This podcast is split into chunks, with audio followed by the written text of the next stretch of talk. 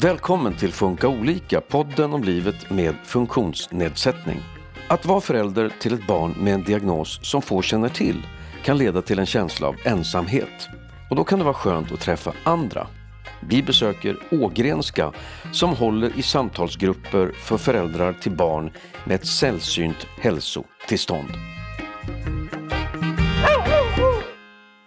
Jag heter Susanne Smedberg. Välkommen hit, Astrid Emker, pedagog. Tack. Och välkommen säger jag till dig också, Cecilia Stocks, socionom. Hej. Ni håller i föräldraträffar vid Ågrenska, som är ett nationellt kompetenscentrum för sällsynta diagnoser. Vad är gemensamt för de föräldrar som kommer på de här träffarna? Man kan väl säga att många av de som i ett tidigt skede får ett barn där någonting inte stämmer med barns utveckling i övrigt är att man har svårt att jämföra i sitt nätverk. Föräldrar gör ju ofta så att man liksom har kompisar som får barn och så tittar man på, på hur barnen utvecklas och så vidare. Och, och om barnets utveckling skiljer sig åt så är det väldigt Dels är det väldigt, kan det vara smärtsamt att se att ens eget barn inte utvecklas i samma takt som jämnåriga. Och också att man, frågorna man har eh, är annorlunda. De liknar liksom inte de här vanliga föräldrafrågorna. Utan de, de, är på en helt annan nivå. Man kan tänka att många är osäkra på hur, hur framtiden ska bli. Man har kanske ingen bild av en vuxen person med den här diagnosen och så vidare. Eh, så, så framförallt skulle jag säga att det, det fattas liksom referenspunkter i föräldraskapet. Vad gör det med föräldrarna då? Hur, hur mår de? Ja, men naturligtvis är det ju olika hur de mår, men man kan nog säga att det är många trötta föräldrar som vi möter. För när man också får ett barn med en sällsynt diagnos så är det så mycket ansvar som landar på en som förälder. Man själv ska bli den här motorn av att ta reda på en massa saker. Det är inte per automatik att man lotsas framåt. Och många kan man väl känna också fundera liksom. Mycket framtidsoro men också sin egen hälsa. Hur ska man orka? Hur ska man orka i längden? Hur ska vi orka som par? Det är mycket frågor som man känner sig ganska ensam i. Eh, Cecilia, hur påverkas föräldraskapet av att man har ett barn som har en sällsynt diagnos? Jag tänker att det är liksom en annorlunda resa man gör, för jag tänker att föräldrar har ju ofta en föreställning om hur, hur det är att bli förälder innan man blir förälder. Och jag tror för alla föräldrar så är inte det riktigt hela sanningen utan man upptäcker under gång där att jaha, det var ju inte så enkelt som jag trodde. Och får man ett barn med, eh, en funktionsnedsättning som påverkar livet mycket så tror jag att det är, man känner sig väldigt annorlunda. Och det tycker jag att föräldrar säger. Och i början så, så, jag har ju jobbat länge och jag värjde mig lite för den här beskrivningen med att det var så annorlunda. Jag hade själv ganska små barn när jag startade jobba med detta. Men jag måste säga att det är ett annorlunda föräldraskap utifrån att man har så mycket kontakter med experter och professionella och myndighetspersoner. Eh, man har ett stort, stort nätverk av människor som man har kontakt med som normalt sett inte liksom finns i en familjs liv. Och det är väldigt annorlunda. Man, man tillägnar sig faktiskt också ofta ett språk som inte är det vanliga när man pratar om sina barn. Man lär sig medicinska termer och man lär sig Försäkringskassans terminologi, för det måste man kunna. Eh, och det här går ju inte att snacka med, med bästa vännen om som man hade innan man fick barn, för de har ju ingen aning. Är det här också annorlunda för de här föräldrarna som just har barn som har något sällsynt hälsotillstånd jämfört med andra funktionsnedsättningar?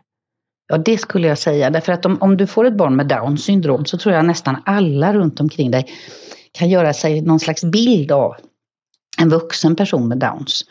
Får du ett barn med cri du chat eller vad det nu kan heta så, så, så är det ett frågetecken för alla du pratar med.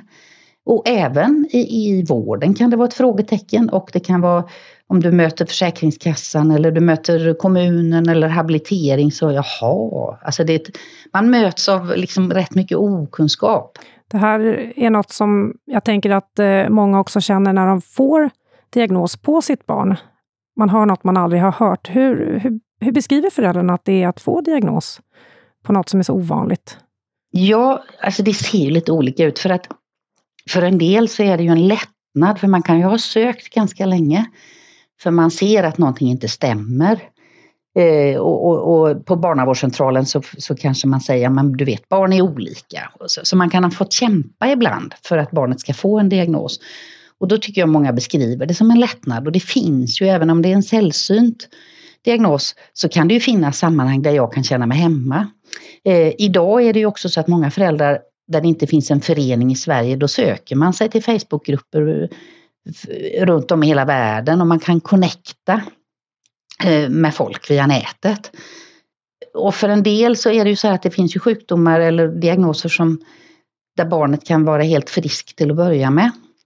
Men eh, prognosen är inte god. Och där är det ju väldigt svårt för då har du ett friskt barn som du får veta kommer att bli sämre och kommer kanske inte att leva så länge.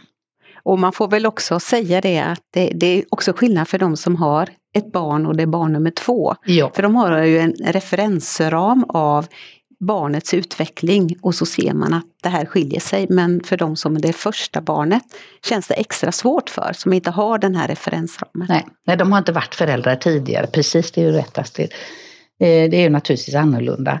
Eh, men så, så det, det, är liksom generellt sett kan man säga att många är lättade men det finns också de diagnoser där det här, det här är ett hårt slag. Där man har en framtid som, som är tuff, oerhört tuff. Astrid, eh, de här träffarna vänder sig till föräldrar som relativt nyligen har fått diagnos på sina barn. Vad betyder relativt i det här sammanhanget? Mm. Det, det, är väldigt spännande faktiskt det här med relativt för här har vi professionella kan man väl säga haft olika åsikter och trott oss eh, förstå eller eh, tänka vad är bäst för föräldrarna att träffas. Eh, vilket vi så småningom fick lära oss av föräldrarna själva av att det vet vi bättre själva. För för någon med relativt, alltså det yngsta barnet har varit sju veckor som har varit på en träff. Och det hade vi aldrig trott var relativt nyligen. Och sjukvården sa absolut att nej men det här är för tidigt och så.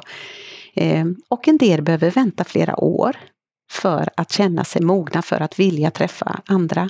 Så vi har nog känt att det här relativt nyligen har varit ett gummiband av att låta föräldrarna själva eh, få känna när är det dags för oss som föräldrar att få träffa andra. Sen behöver man ibland en liten push och det har de fått ibland av vänner. Men se till att träffa andra eller eh, på sjukvården när man har mött dem att de här föräldraträffarna finns. Det är bra att få träffa andra och då har man ju ändå fått en liten eh, knuff in att våga ta det här steget att just träffa andra. För det är också lite speciellt att komma in i den här klubben. Att träffa andra och identifieras med att mitt barn är inte som alla andra barn utan har andra behov.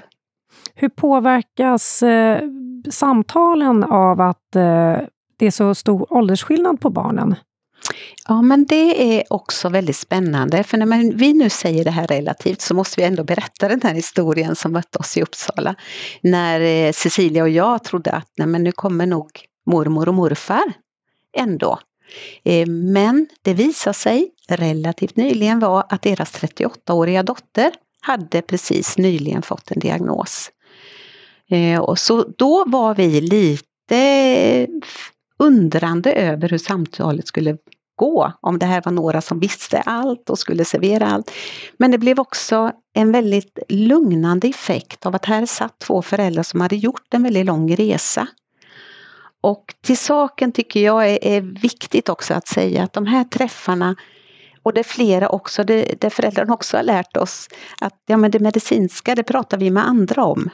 Nu vill vi prata om våran vardag, vårat vardagsliv. Och då spelar inte åldersskillnaden så stor roll för att man står i de här frågorna. Och några har kommit lite längre på vägen och några är nybörjare i den. De här eh, träffarna, alltså Astrid, är ju också diagnosöverskridande. Är det några likheter i eh, funktionsnedsättning eller annat hos de här diagnoserna? Ja men eh, alltså nu när vi har hållit så många träffar och vi dokumenterar ju alla frågor som kommer upp, vad som de har på agendan, vad som är svårt och krångligt och vad man har till hjälp, vad man vill prata om. Då kan ju vi se en otrolig likhet Eh, oavsett vilken diagnos man har. Så man är orolig för framtiden, alltså man, man står i ja men hur ska jag själv orka, hur ska vi klara av det här vi står i. Så att eh, det är fokus på föräldraskapet och vardagen. Så då spelar det inte så stor roll. Men vi försöker att när vi har en föräldraträff, då pratar vi om den stunden som de står i nu. Hur ska man klara av det här och framåt så att man inte börjar med sin långa, långa berättelse bakåt i tiden. Utan vi tänker att det här ska vara ett redskap i att komma vidare. Och det var mm. som en eh, läkare sa, ja när vi berättade om föräldraträffarna, jag förstår inte riktigt vad det är.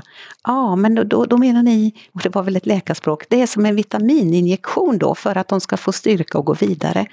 Och det tycker jag var en rätt bra förklaring faktiskt. Och i, i, det sammanhanget kan man också säga att det är jätteintressant hur folk jämför sig, för det börjar folk berätta mer och mer för oss. För att man jämför sig då med, med de andra i gruppen och så kan man tänka sig, nej men jag hade det inte jobbigast utav oss som var här. Och ibland blir det lite tufft att höra, men ibland kan det faktiskt vara de som vi tänker, gud vad tufft de har det. Som kan göra någon slags jämförelse och tänka, det bekymret har vi åtminstone inte. Och det är ju en väldigt bra copingstrategi att kunna jämföra sig lite grann. Men också se det som är lika. Mm. Och där har vi också den här, eh, bilderna av de här föräldraträffarna liksom bara blommar ju upp för en när man pratar om det. Men då ser man den här pappan som träff två berättar vilken styrka han kände när han fick gå upp och ge sitt barn sond på natten. Eh, för att han hade hört en annan pappa berätta om det på våran första träff.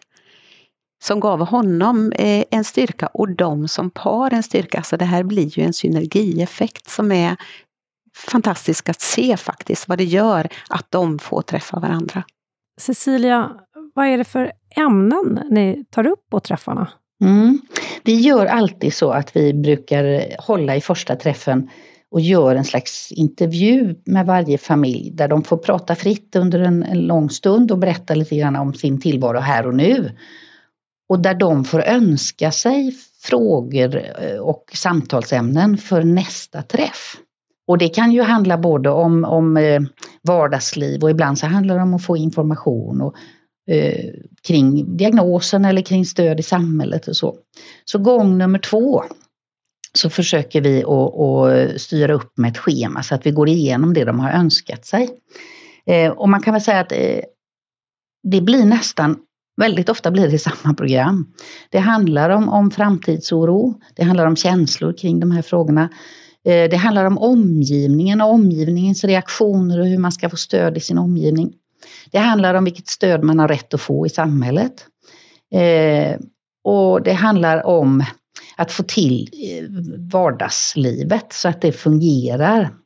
Och där tänker vi att eh, det viktigaste för oss är ju att de, de är ju liksom sina bästa experter för varann. Eh, och det kan jag ju säga som har jobbat länge att mycket av den informationen som jag har förmedlat som, när jag jobbade som skolkurator för, för den här gruppen familjer eh, går ju inte in. De hör mig inte. Men när de hör av andra föräldrar som lever i det så blir det, får det någon slags relevans på ett helt annat sätt. Så det är en, ett fantastiskt sätt att, att, att stötta varann. Ja men så vi jobbar väl mycket också med, och det är du bra på Cissi, det här att vi ska inte ge lösningen det är väldigt lätt för man är så van i att man får upp och så ska vi eh, ge föräldrar lösningen. Men vi har ju sett det så många gånger hur de ger varandra de idéerna. Och hade vi, som du säger Cecilia, sagt det. Och då tänker jag på den här pappan som pratade om förskolan och att de inte skulle sätta sitt barn i förskolan och så är det en annan förälder som berättar om deras erfarenhet av det här och vad det har gett. Och så säger den här mamman och pappan till slut, ja men det här måste vi prata om, det här kan vi gå vidare med. Eh, och då ser man absolut den här likheten att ja, men kommer det ifrån någon annan som har den situation som de har så förstår man att man kan sätta in det i en realitet. Och annars kommer det ovanifrån, liksom en professionell där man lätt kan tänka, ja det är lätt för dig att säga. Om vi går in lite närmare på de här ämnena som du nämnde Cecilia, hur, hur pratar man om till exempel framtidsoro? Mm. Vi, vi försöker uppmuntra till att man tänker i någon slags strategier. Alltså hur gör man? För, för det är ju faktiskt så att för, ingen av oss kan ju veta hur framtiden blir. Eh, och hur kan man fundera kring det när det är så oklart? Eh, och då, vi brukar dela in dem i, i, lite, beroende på hur många de är, men i lite mindre grupper. Och så får de sitta och förbereda och snacka, snacka runt lite olika teman. Och sen samlar vi upp oss allihopa och så får man liksom höra hur grupperna har pratat och så får man reflektera kring de samtalen som har varit. Då. Eh, så att vi försöker att liksom lämna väldigt mycket utrymme för föräldrarna att, att liksom höra flera röster. Och jag tror att en sak som händer i det resonerandet som föräldrar gör är att, att föräldrar får tillgång till ett ord på saker och ting som de faktiskt inte riktigt ens hade koll på att de kände. Eh, och man får tillgång till, till ett sätt att uttrycka sig kring sånt som, som surrar i huvudet men man får inte ur det, man kan inte formulera det. Så jag tror att, att en del av det vi gör är ju att föräldrarna hjälper varandra att formulera en berättelse kring det de lever i. Eh, det tror jag är faktiskt en väldigt bärande del av det vi gör. Astrid, är det några sällsynta diagnoser som är liksom extra tuffa när man är förälder? Ja, men det är det absolut. Det som eh, Cecilia nämnde det här att man kan ju få ett barn som är fött till synes helt friskt och sen kommer insjukna i en eh, diagnos som kommer vara progrederande där man kommer mista liksom sitt barn. De är ju väldigt tuffa för det finns ju någon slags före och efter eh, där livet var ganska perfekt liksom och ett friskt barn och så helt plötsligt blir det något helt annat. Så det, det, blir ju liksom en så otroligt stor sorg som blir chockartad när man får det diagnosbeskedet. Och en annan föräldragrupp som vi har upplevt har det väldigt tufft, det är ju barn som har ett utåtagerande, liksom ett annat beteende och ett eh, utåtagerande beteende. Där vi ju många gånger har sett att de familjerna blir väldigt isolerade. Och där jag också har eh, träffat många syskon och äldre syskon där man också blir isolerad för man kan inte ta hem kompisar. Och föräldrarna har svårt att gå bort med det här barnet och man kan inte ta hem eh, vänner till sig själv.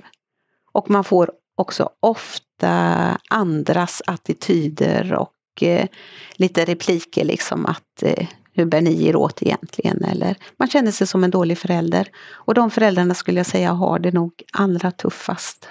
Alltså det, det, här är ju någonting som, som många av oss som jobbar tänker som en liksom naturlig följd av om man inte bara tar de här tuffa diagnoserna utan man tänker att inte få ett friskt barn är en sorg.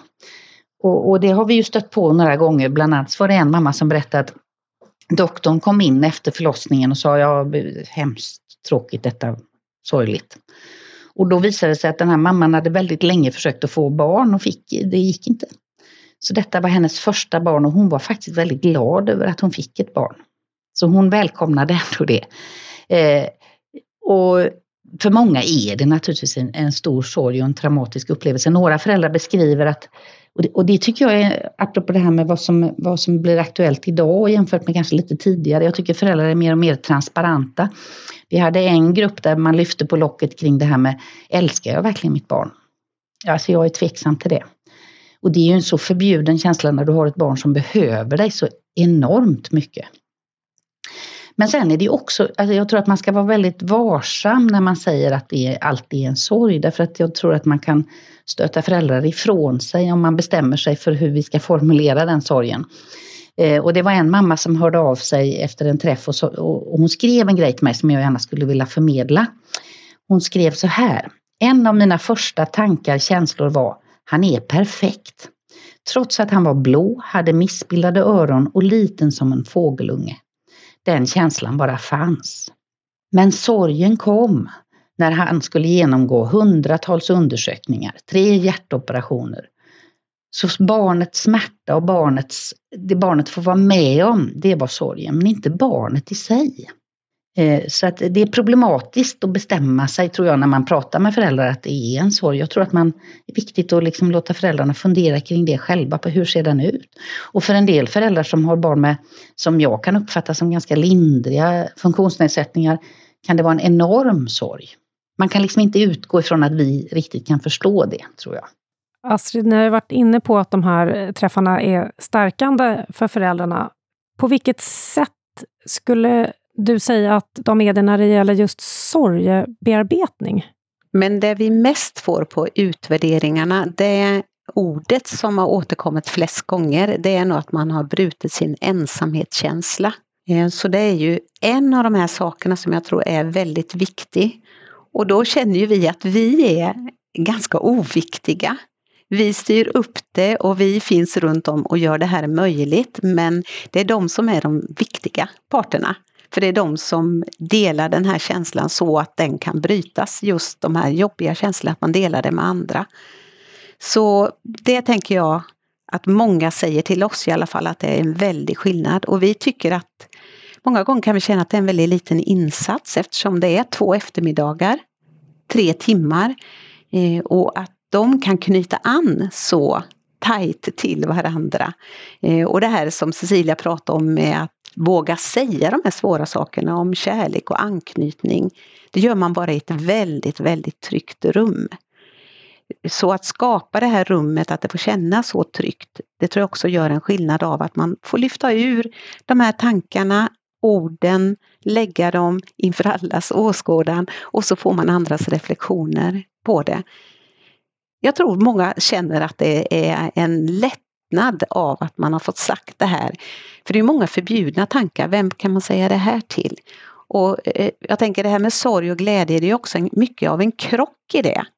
Och det är ju det du sätter ord på egentligen Cecilia, man glädjer över att man fått ett barn men man känner en sorg över att ha fått en funktionsnedsättning. Så det är så mycket och det är ganska krångliga känslor av att hantera som förälder. Och då tror jag att mötet med de andra föräldrarna hjälper dem i den tankeprocessen.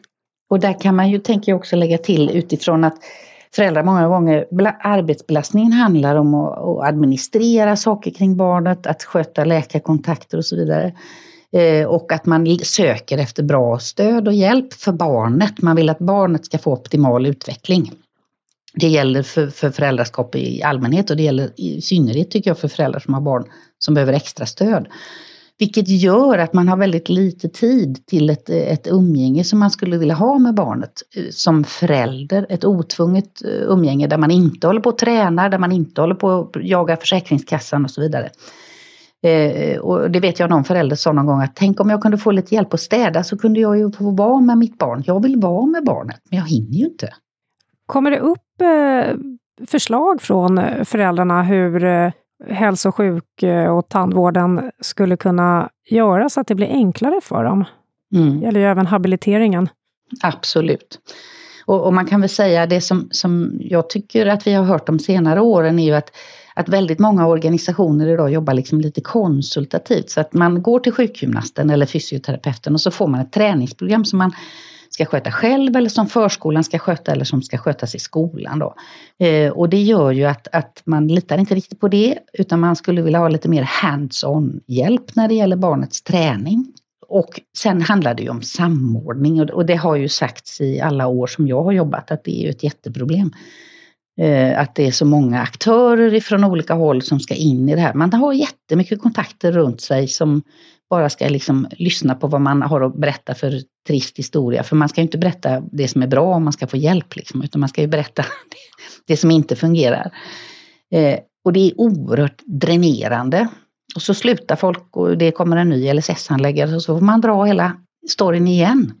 Så när man ser den här kartan över vilka kontakter en familj har så blir man ju nästan mörkrädd. Att det kan vara liksom 30, 40, 50, 70 kontakter och de ska vara samordnaren i detta. Då förstår man liksom vilken arbetsbörda det är. Och där fick vi ju en aspekt till på det här med många kontakter. Att de har ju dessutom olika kontaktvägar så man ska komma ihåg vilka som kommunicerar via 1177, vilka mejlar, vilka ringer, vilka skickar sms. Eh, för det är olika nämligen. Astrid, ni har ju hållit de här träffarna under ganska lång tid. Har, har de ändrats genom åren på något sätt? Är det nya saker som kommer upp eller? Ja, men när vi eh, tänkte på det här liksom just med vilka frågor kommer upp så ja, men då sa både Cecilia och jag att det är otroligt mycket samma behov, samma frågor som kommer upp. De har ju inte förändrats så mycket över tid. Men den stora förändringen som vi har varit med om de sista åren, det är ju den här screeningen av att hitta nya diagnoser. Så många som har fått en utvecklingsstörning, alltså en intellektuell funktionsnedsättning förut, de får nu eh, PF 4327, alltså otroligt långa, man vet exakt vad det är. Och sen kommer det här, ja, eh, de har hittat en till i USA. Så man kan väl känna att de här eh, frågorna, behoven har förändrats på det viset att man kan inte hitta någonting på Facebook. Man kan inte hitta, man kan inte googla på det här. Utan man är så otroligt ensam i eh, vad kommer framtiden att innebära? Så just den frågan kan man väl känna kan nu skrivas med stora bokstäver. Framtidsoro. För man har ingen vuxen att titta på. Så det, det, är nog, det är nog det som jag tror är den största och det är också svårt att eh, ja men det var ju så här sa jag. du sa Cecilia, har man down syndrom så finns det en ganska stor grupp. Men har du CRI du chatt så finns det faktiskt en föräldraförening och en mindre grupp. Men har du de här otroligt ovanliga diagnoserna så kan du inte ens hitta liksom andra föräldrar att eh, prata om ditt barns diagnos med. Och tidigare då var det en mer grov diagnostisering som intellektuell funktionsnedsättning, så då hade man ändå ett sammanhang. Det gör ju någonting med folk att det heter någonting, tänker jag. Eh, så att även om man har varit klar över att mitt barn har en kraftigt försenad utveckling, när det får ett namn så händer det någonting med, med föräldrarna. Och man börjar leta. Sen är det inte säkert att, att eh, symptomen skiljer sig jättemycket åt. Det är ju också vår erfarenhet att det, det kan vara barn med ganska liknande bekymmer. Eh, men det heter någonting. Och det blir viktigt, åtminstone under, under en period, tänker jag. Mm, jag tänker också att föräldrar, det här med framtidsoro, i det innefattas ju också att man vill att det ska forskas på det. Alltså finns det någon hjälp i det här? Och ju ovanligare det är desto mindre vet man ju hur kommer det här beforskas? Kommer det finnas ny medicinering eller ny hjälp att få i det här? Vilket också är en oro förstås. Det är dags att avsluta det här samtalet strax, men först vill vi veta lite mer om de här träffarna. Hur många gånger ses man? Vi träffas två gånger, eh, gånger tre timmar, med en, två veckor, tre veckor emellan ungefär. Och hur många deltagare kan det vara på en sån här träff? Ja, det kan variera, men jag skulle säga att en, mellan fem och tio familjer brukar vara representerade och vi försöker att få med både, båda föräldrarna i det.